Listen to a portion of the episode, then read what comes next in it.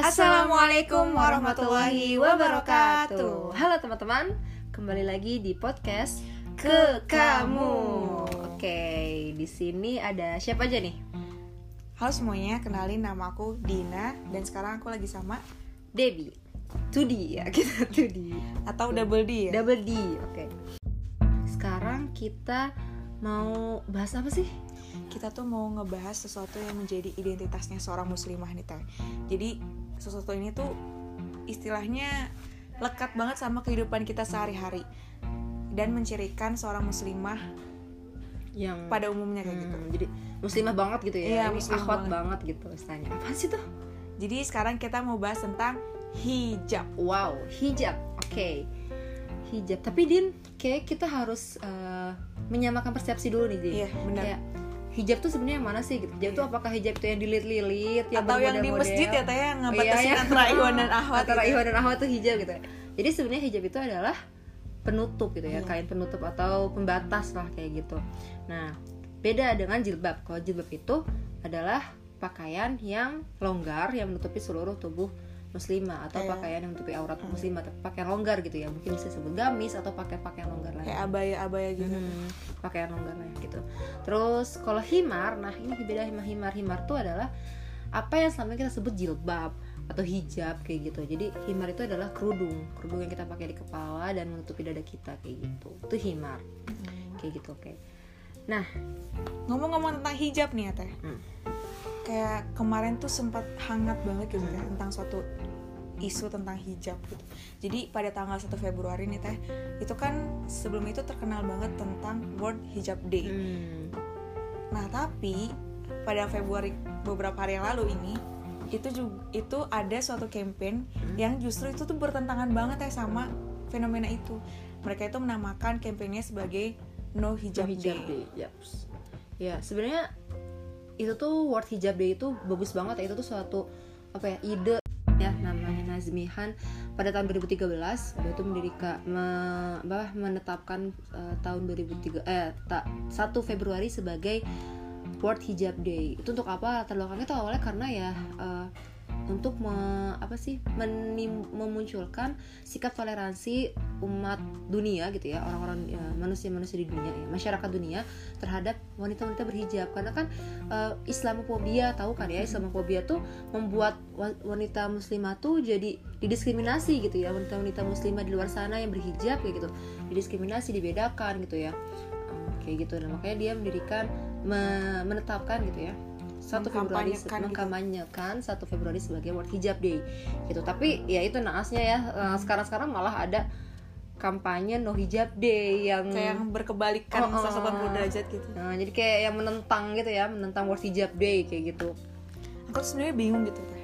Kenapa ya ada orang-orang yang sampai mau ngelakuin kampanye semacam itu? Sebenarnya mereka tuh salah pemikiran atau kayak gimana sih teh? Ya, mereka tuh kan sebenarnya mikir mikirnya gini ya, kayak pemikiran-pemikiran mereka tuh mereka menganggap bahwa hijab tuh adalah eh, intimidasi, bentuk intimidasi, terus bentuk tekanan eh, iya tekanan dan diskriminasi terhadap wanita, terus dianggap juga bahkan misogini, bentuk kebencian terhadap wanita kayak gitu ya. Padahal mungkin menurut aku mungkin mereka belum belum menyadari aja nikmatnya pakai hijab gitu ya. Nyamannya gitu pakai hijab.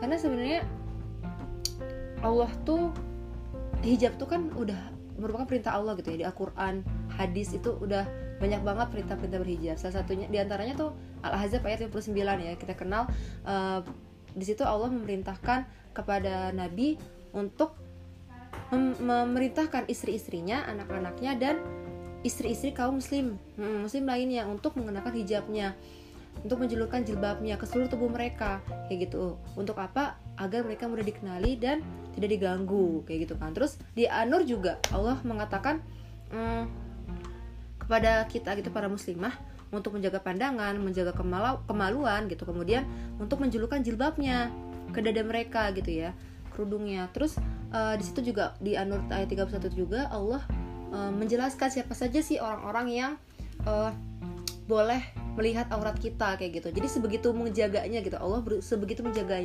menjaga kita, menjaga kita eh, menjaga seorang muslimah gitu ya memuliakan memuliakan muslimah, gitu. seorang muslimah gitu ya dengan perintah hijab ini kayak gitu. Bener banget. karena emang banyak hikmahnya ya din. Ya nggak sih? Hikmah dari berhijab ini banyak banget kan? Kalau misalkan mereka bilang mereka itu merasa dibatasi dengan pakai hijab gitu ya teh. Justru yang kita rasakan gitu ya teh dengan berhijab itu justru makin terjaga ya nggak sih teh? Hmm, kalau misalkan jaga kita keluar rumah gitu ya dengan menggunakan hijab yang syar'i atau yang sesuai dengan syariat gitu teh eh, itu tuh justru mengurangi peluang untuk kita digodain gitu maksudnya. kayak cat call cat call cat gitu. call, catcalling yang biasa Yang- didapetin sama wanita-wanita Hmm. gitu. Jadi kita tuh kayak mengurangi itu.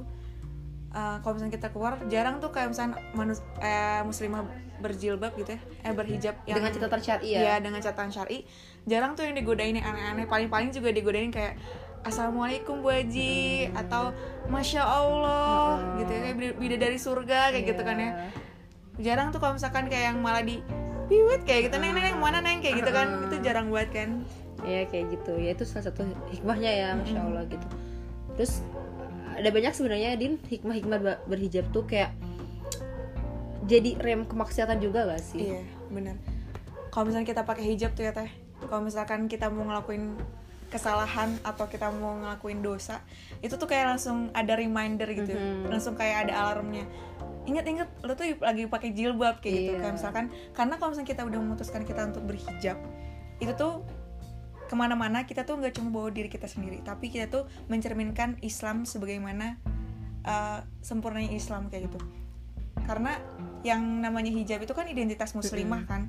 Dengan kita pakai hijab otomatis orang-orang liatnya oh cerminan Islam tuh kayak gini. Oh cerminan muslimah itu kayak gini gitu. Jadi dengan dari situ jadi reminder juga gitu buat kita. Kalau misalkan kita pakai hijab ya berarti kita juga harus sambil memperbaiki diri gitu. Iya jadi kayak itu tuh sebagai rem. Misalnya ketika kita mau kita pakai hijab tapi kita mau melakukan maksiat. Misalnya mau masuk ke diskotik kan nggak mungkin banget ya. Mesti kayak masa iya seorang muslimah berhijab hijab yang sesuai dengan syariat Islam terus nanti masuk ke diskotik mau ngapain? Mau ngaji kayak Eh. gitu kan. Terus atau eh, mau mabok-mabokan atau mau maksiat-maksiat yang lain ya gitu. Pasti mikir lagi kan malu dong sama hijab gue gitu kan. Kayak gitu. Terus eh Iya dan yang namanya perintah hijab itu kan dari Allah ya teh? Kayak aku pernah juga gitu teh. Ngedengar curhatan orang Mhm. kayak misalkan dia tuh sebenarnya muslimah gitu tapi belum memutuskan untuk berhijab gitu. Padahal kan yang namanya hijab itu kan kewajiban. Karena dia tuh nganggapnya kayak ya aku pengen perbaiki hati aku dulu gitu baru baru nanti uh, kepala aku yang dihijabin kayak gitu. Padahal buat apa aku pakai hijab tapi akhlak aku belum baik gitu kan. Sedangkan yang namanya hijab dan akhlak itu kayak beda gitu Nah, dua ranah yang berbeda ya, dua ranah yang berbeda. Soalnya memang ya akhlak itu memang akan terus kita perbaiki, terus kita perbaiki, terus kita perbaiki. Hati juga ya dalam da- sampai kita mati pun kita masih harus terus memperbaiki gitu ya. nggak mungkin ujuk-ujuk langsung bersih hati kita gitu ya, langsung akhlak kita langsung sempurna gitu, sesempurna Rasulullah nggak mungkin gitu kan. Bahkan sampai mati pun mungkin eh, kita masih terus memperbaiki diri, memperbaiki diri, memperbaiki hati dan akhlak gitu. Ka- sedangkan hijab itu adalah kewajiban gitu kan mau sampai kapan gitu mau nunggu mau nunggu sampai kapan eh, hati kita bersih gitu sesuatu yang mungkin ha, buka ya mus, dibilang mustahil karena memang hati yang paling bersih dan akhlak yang paling sempurna itu hanya Ras- Rasulullah gitu ya Benar. Eh, mau sampai kapan gitu sampai kap- kapan akhir eh, kapan akhirnya kita bisa menaati Rasulullah kalau nunggu hati bersih dulu gitu Iya. kan kayak kayak gitu sih sebenarnya untuk yang ya, Hijab. hijab dan akhlak itu gitu ya kayak emang beda gitu kan beda beda ranahnya Nah, gitu dan itu juga bukan justru karena kita pengen memperbaiki akhlak kita pakai hijab yang tadi dibilang. Jadi hijab itu sebagai reminder dan sebagai rem kita kayak gitu. Justru jadi bukan bukan nunggu hati dihijabin dulu tapi langsung baru menghijabi diri gitu menghijabi aura. Tapi justru menjadikan hijab yang kita pakai eh, sebagai penutup aurat kita sebagai motivasi kita untuk menjadi diri yang lebih baik lebih baik lebih baik lagi gitu kan ya. Banget. Untuk memperbaiki akhlak kita kayak gitu. Betul. Nah, tapi sebenarnya Din men- menurut Dina sendiri perasaan Dina sendiri itu gimana sih selama Dina pakai jilbab, pakai hijab syar'i apalagi gitu ya. Yang menurut Dina gimana? yang aku rasain ya teh semakin belajar gitu ya alhamdulillahnya semakin cari tahu juga tentang hijab gitu ya teh. Karena semakin dewasa juga jadi kalau misalkan keluar rumah pakai hijab gitu apalagi semakin panjang gitu aku tuh ngerasa kayak yang terjaga gitu loh teh. Semakin panjang hijab semakin panjang jilbabnya gitu semakin panjang himarnya gitu itu tuh yang perasaan di perasaan di hati tuh kayak tenang gitu. Yang pertama tenang dan merasa dilindungi gitu. Terus kayak orang-orang yang tidak melihat kita dari fisik aja gitu. Hmm. jadi benar-benar yang kayak teman-teman pun kayak langsung yang mau- beda gitu loh kayak yang menghormati terus kayak yang uh, menghargai kayak gitu tuh ya bener banget. Aku juga se- sedikit pengalaman nih ya. Waktu zaman zaman SMA gitu ya zaman sekolah di abu-abu ya. Jadi dulu ya zaman zaman hijrah gitu ya. Sebelum hijrah gitu sebelum hijrah. Sebelum hijrah tuh ya masih belum bisa dikatakan syar'i lah berhijab berjilbab berhimar ya berkerudung tapi mungkin belum syar'i gitu. Terus eh, dulu tuh kalau sama teman-teman cowok tuh kayak biasa aja teman cowok ke aku juga sikapnya biasa aja gitu. Kayak eh kalau ketemu tuh eh deh gue gitu gitu kan ya. Kayak gitu. Terus pas kirain aku hijrah masuk rohis ya berusaha memperbaiki diri lah gitu ya terus pakai hijab yang berusaha sesuai tuntunan uh, syariat Allah gitu. Tiba-tiba mereka tuh sikapnya beda aja gitu din. Kayak kalau ketemu tuh langsung dep gitu. Assalamualaikum dep kayak gitu gitu. Jadi kayak ya lebih di apa ya lebih disegani lah ya gitu. Maksudnya lebih lebih merasa dihormati lah kayak gitu. Lebih sebagai seorang muslimah eh, sebagai seorang muslimah merasa dimuliakan lah lebih dimuliakan lah gitu. Beda emang iya ada rasa nyamannya itu ya nyaman dan amannya. Iya, terus yang aku ngerasain juga yang namanya kita sudah berusaha untuk menuruti menuruti perintah Allah gitu teh dan Allah tuh bakal mendatangkan kebaikan-kebaikan itu ke diri kita gitu. Kayak misalkan kalau misalkan dulu kita berhijabnya asal-asalan kayak gitu teh atau kita belum berhijab kita gaulnya sama orang-orang yang seperti itu juga Hmm. karena kita sudah memutuskan untuk memulai lebih baik gitu teh Allah tuh bakal mendatangkan kayak yang pertolongan-pertolongannya gitu atau kebaikan-kebaikan lainnya secara beriringan kayak Hmm, gitu bener banget kayak misalkan dulu kalau misalkan dulu aku mikirnya kalau misalkan gak berhijab bak- eh, bakal kalau misalkan kita nanti bakal menikah kayak gitu pasti lewat pacaran kayak Mm-mm. gitu-gitu kan sedangkan kalau misalnya kita udah memutuskan untuk berhijab yang syar'i kayak gitu-gitu Allah tuh bakal mengarahkan menuju pernikahannya itu dengan yang hal-hal baik Iya, juga bener kayak gitu. Dengan uh, Dengan yang dengan terbaik. syariat Islam kayak gitu yang baik. Ya bener banget bener banget. Jadi banyak banget ya sebenarnya hikmahnya. Hikmah ya hikmah dari berhijab itu. Kayak makanya bener dijaga gitu uh, tuh, ngerasa jadi benar-benar merasa dijaga. Benar-benar kayak Islam tuh benar-benar memuliakan wanita dengan hijab tuh. Hijab tuh sebenarnya bentuk Islam memuliakan wanita gitu. Nah terus jadi buat eh, teman-teman gitu ya buat teman-teman di sana di luar sana yang pendengar ya para muslimah muslimah mungkin nanti ketika teman-teman memutuskan untuk berhijab mungkin nanti bakal ada kayak omongan omongan omongan miring kayak ah kerdus lu kayak gitu ah kerudung dusta lu gitu masa berhijab tapi masih kayak gini gitu terus atau malah ah ngapain sih berhijab tuh kayak nenek-nenek gitu kan udah Kayak ibu-ibu. kayak ibu-ibu pasti biasa kalau suka dibagi ibu Iya. sih? Ya kan? aku pernah sumpah ya itu emangnya itu itu ujian sih kayak kita itu banget. emang itu niat tuh harus selalu dimurnikan. Bener, kadang kalau di tempat umum kayak orang yang nggak ngerti gitu ya. Karena kalau misalnya kita berada di lingkungan yang tidak mendukung gitu tentang atau yang nggak banyak berhijab kadang suka dipanggil mungkin dia nggak ngeliat kalau nggak tahu ngeliatnya dari belakang gitu kali ya. Jadi kayak ngira kita ibu-ibu kayak itu tuh kadang tuh itu kalau ujiannya gitu. aku kan pernah kayak lagi di mall-mall gitu misalnya kayak lagi belanja di baju nemenin mama atau gimana tiba-tiba ada yang manggil kayak "Eh, bunda bajunya bunda. Dalam hati tuh husnuzan aja gitu. Calon bunda calon bunda ya allah. Iya. gitu kan. Kalau misalnya ada yang ngatain kayak gitu ya udah ya emang kita bakal jadi ibu-ibu kok Ah, gitu kan. kita mah jadi ibu-ibu kan deh ya eh, positive thinking aja gitu. Dan ketika dikatakan kerudung dusta misalnya ah kerudung dusta lu. Ya itu berarti jadi apa ya jadi challenge juga buat kita. Buat menunjukkan bahwa hijab yang gue pakai hijab yang aku pakai ini bukan bukan apa namanya bukan sekedar apa ya tren-tren aja gitu. Tapi memang ini adalah bentuk ketaatan aku pada Allah. Dengan hijab ini aku ingin berusaha mem- memperbaiki diri aku kayak gitu misalnya. Terus ketika dikatakan misalnya ah ngapain sih pakai hijab? Eh, apa namanya kayak kayak apa ketinggalan zaman banget gitu ya. Ketinggalan zaman banget lu pakai jilbab gitu kan.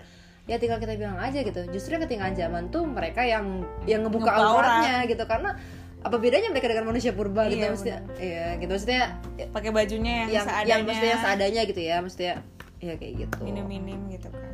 Yang minim banget gitu.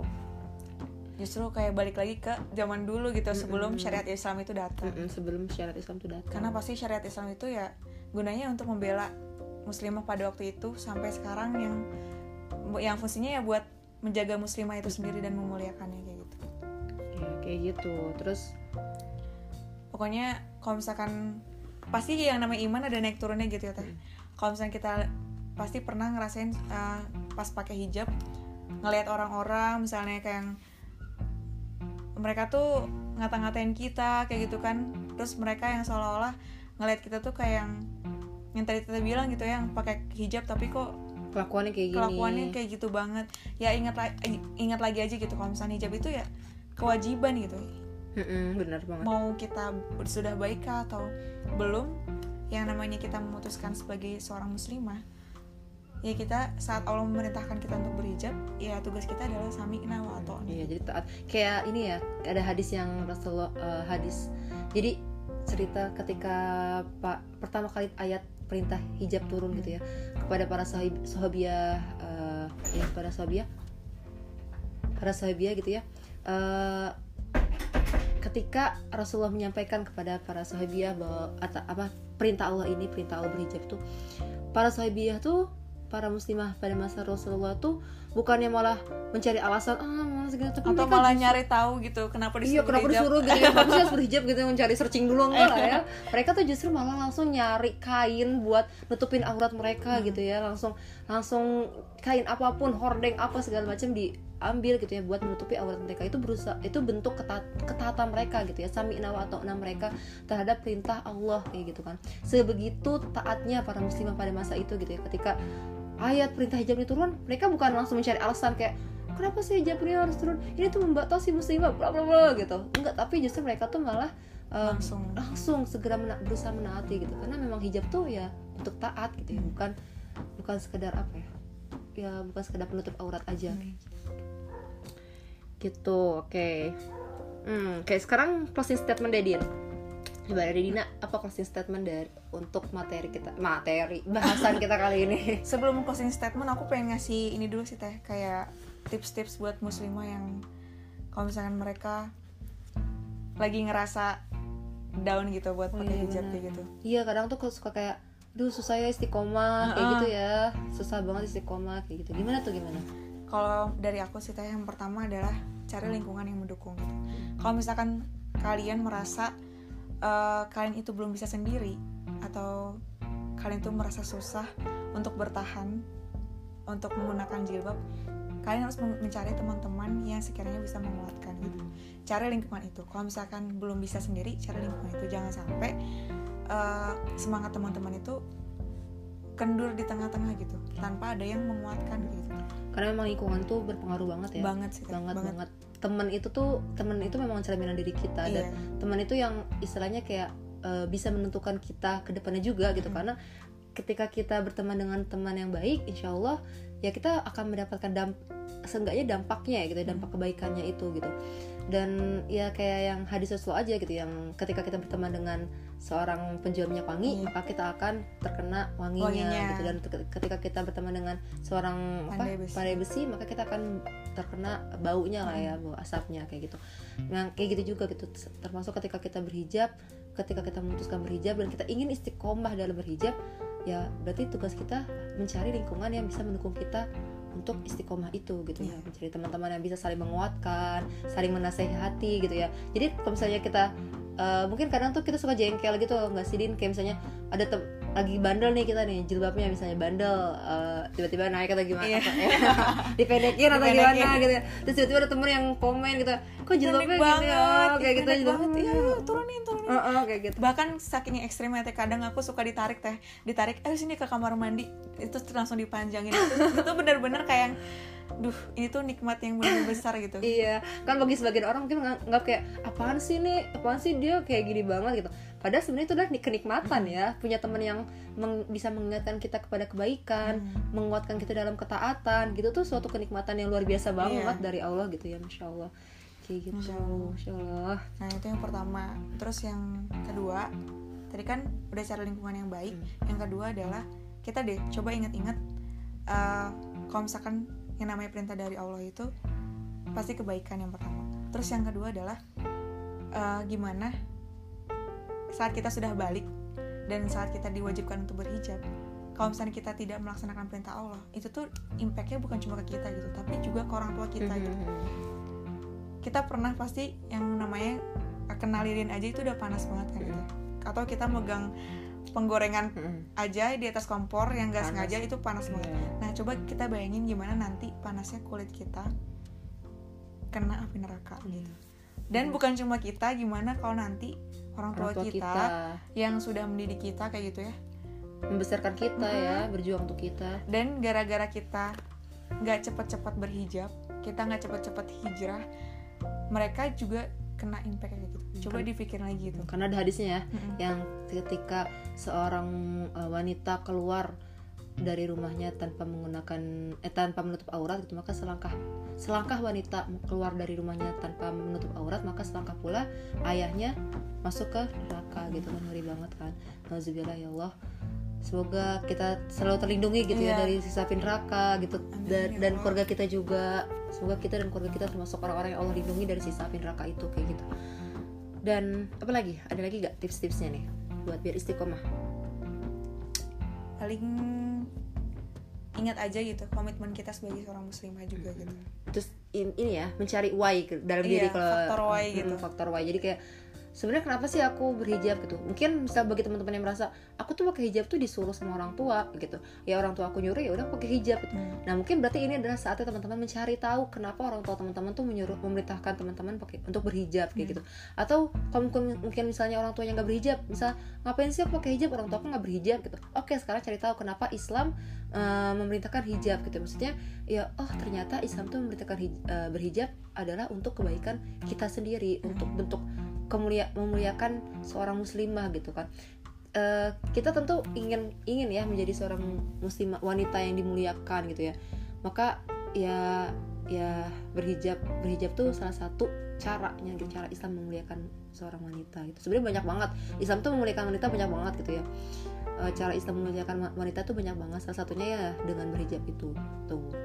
Bagi Allah tuh menyebutkan aurat kita sebagai perhiasan loh. Benar. kayak di ayat An-Nur ayat 31 itu Allah menyebutkannya dan janganlah kau tampakkan perhiasanmu gitu ya atau uh, auratmu kayak gitu.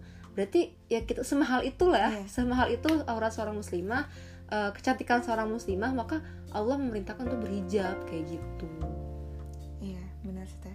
Terus kalau misalkan teman-teman eh, sudah berhijab, mari bareng-bareng gitu ya. Kita juga berusaha untuk Hmm. menyempurnakan dalam menutup aurat itu. Jadi saling mendoakan juga eh, saling mendoakan. Benar, saling mendoakan itu Saling penting mendoakan. banget penting sih. banget Apalagi kalau misalkan kayak ketemu sama orang kayak doain ya semoga istiqomah. Kalau misalkan ada orang yang ngeledekin, "Cie udah mulai hi- berhijab" gitu. Teman-teman eh, doa aja gitu minta didoain jangan jangan justru kayak ngedown gitu tapi justru minta didoain doain semoga istiqomah kayak iya benar banget terus doain juga kita di sini Nah, ya. doain juga kita, kita, kita di sini semoga istiqomah. gitu ya. Doakan doakan semoga kami yang di sini juga istiqomah gitu, dalam berhijab oke kelas sekarang kita masuk ke closing statement. Mulai dari Dina. Kalau aku closing statementnya jadikanlah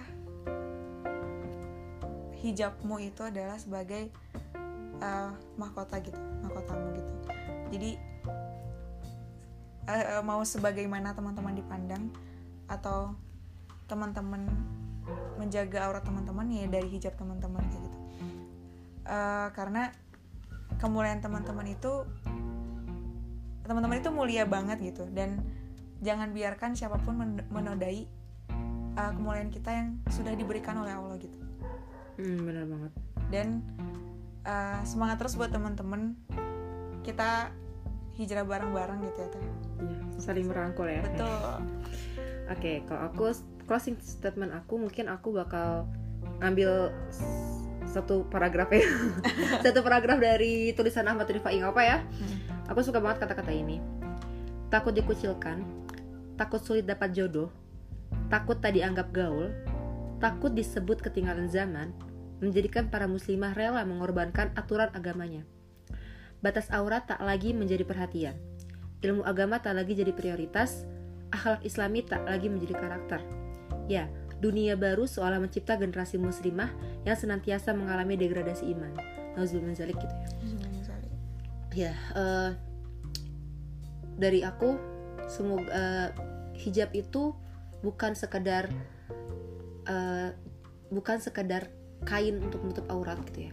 Hijab itu bukan sekedar kain penutup untuk menutup aurat kita tapi hijab itu adalah bentuk ketaatan kita kepada Allah Subhanahu Wa Taala. Kayak gitu. Itu aja sih. Oke teman-teman jangan lupa follow dan ikuti podcast ini. Follow Instagram nah ke Instagram kamu. ke kamu ke dot kamu ya kayak gitu. Dan jangan lupa share juga ya ke Iya. teman-temannya teman-temannya. Dan insya Allah kita bukan hanya online offline juga ada ya teman-teman. Kelas-kelas offline dan eh, konten-konten online juga ada kayak gitu. Dan kita membuka uh, request dari teman-teman gitu ya. Kalau Hmm. misalnya teman-teman mau bahas request, apa ah, gitu bahas ya apa nanti ba- insya Allah bakal kita cari tahu bareng-bareng kayak gitu. Hmm, kayak gitu. Terus eh, kritik dan saran juga kita terima ya Din Iya, ya banget banget itu perlu banget sih. Misalnya teman-teman ada kritik dan saran boleh juga disampaikan di DM, DM Instagram. DM Instagram aja gitu oke oke oke bukan mo- mohon maaf ya teman-teman jika ada kesalahan dari kita gitu ya Pasti banyak sih ya. mungkin banyak ya namanya mungkin manusia. baik dari ilmunya maupun Betul. da, ini mungkin masih terbatas ya Din kita masih belajar juga Betul masih banget. belajar kayak gitu jadi mohon maaf jika ada kesalahan baik dari ilmunya maupun dari penyampaian dari cara penyampaian ilmunya yang benar tuh dari Allah dan yang salah itu dari pasti dari kita. kita pribadi gitu oke kita tutup dengan jargon ke kamu, Kamu. nih Yang sekaligus doa ya. doa juga ya buat seluruh Semua muslimah di Indonesia, di dunia ini kita di dunia, Indonesia di dunia. Oke. Kelas kreativitas muslimah menjadi muslimah berdaya karya raya. Oke. Saya Debbie. Saya Dina. Wassalamualaikum warahmatullahi wabarakatuh.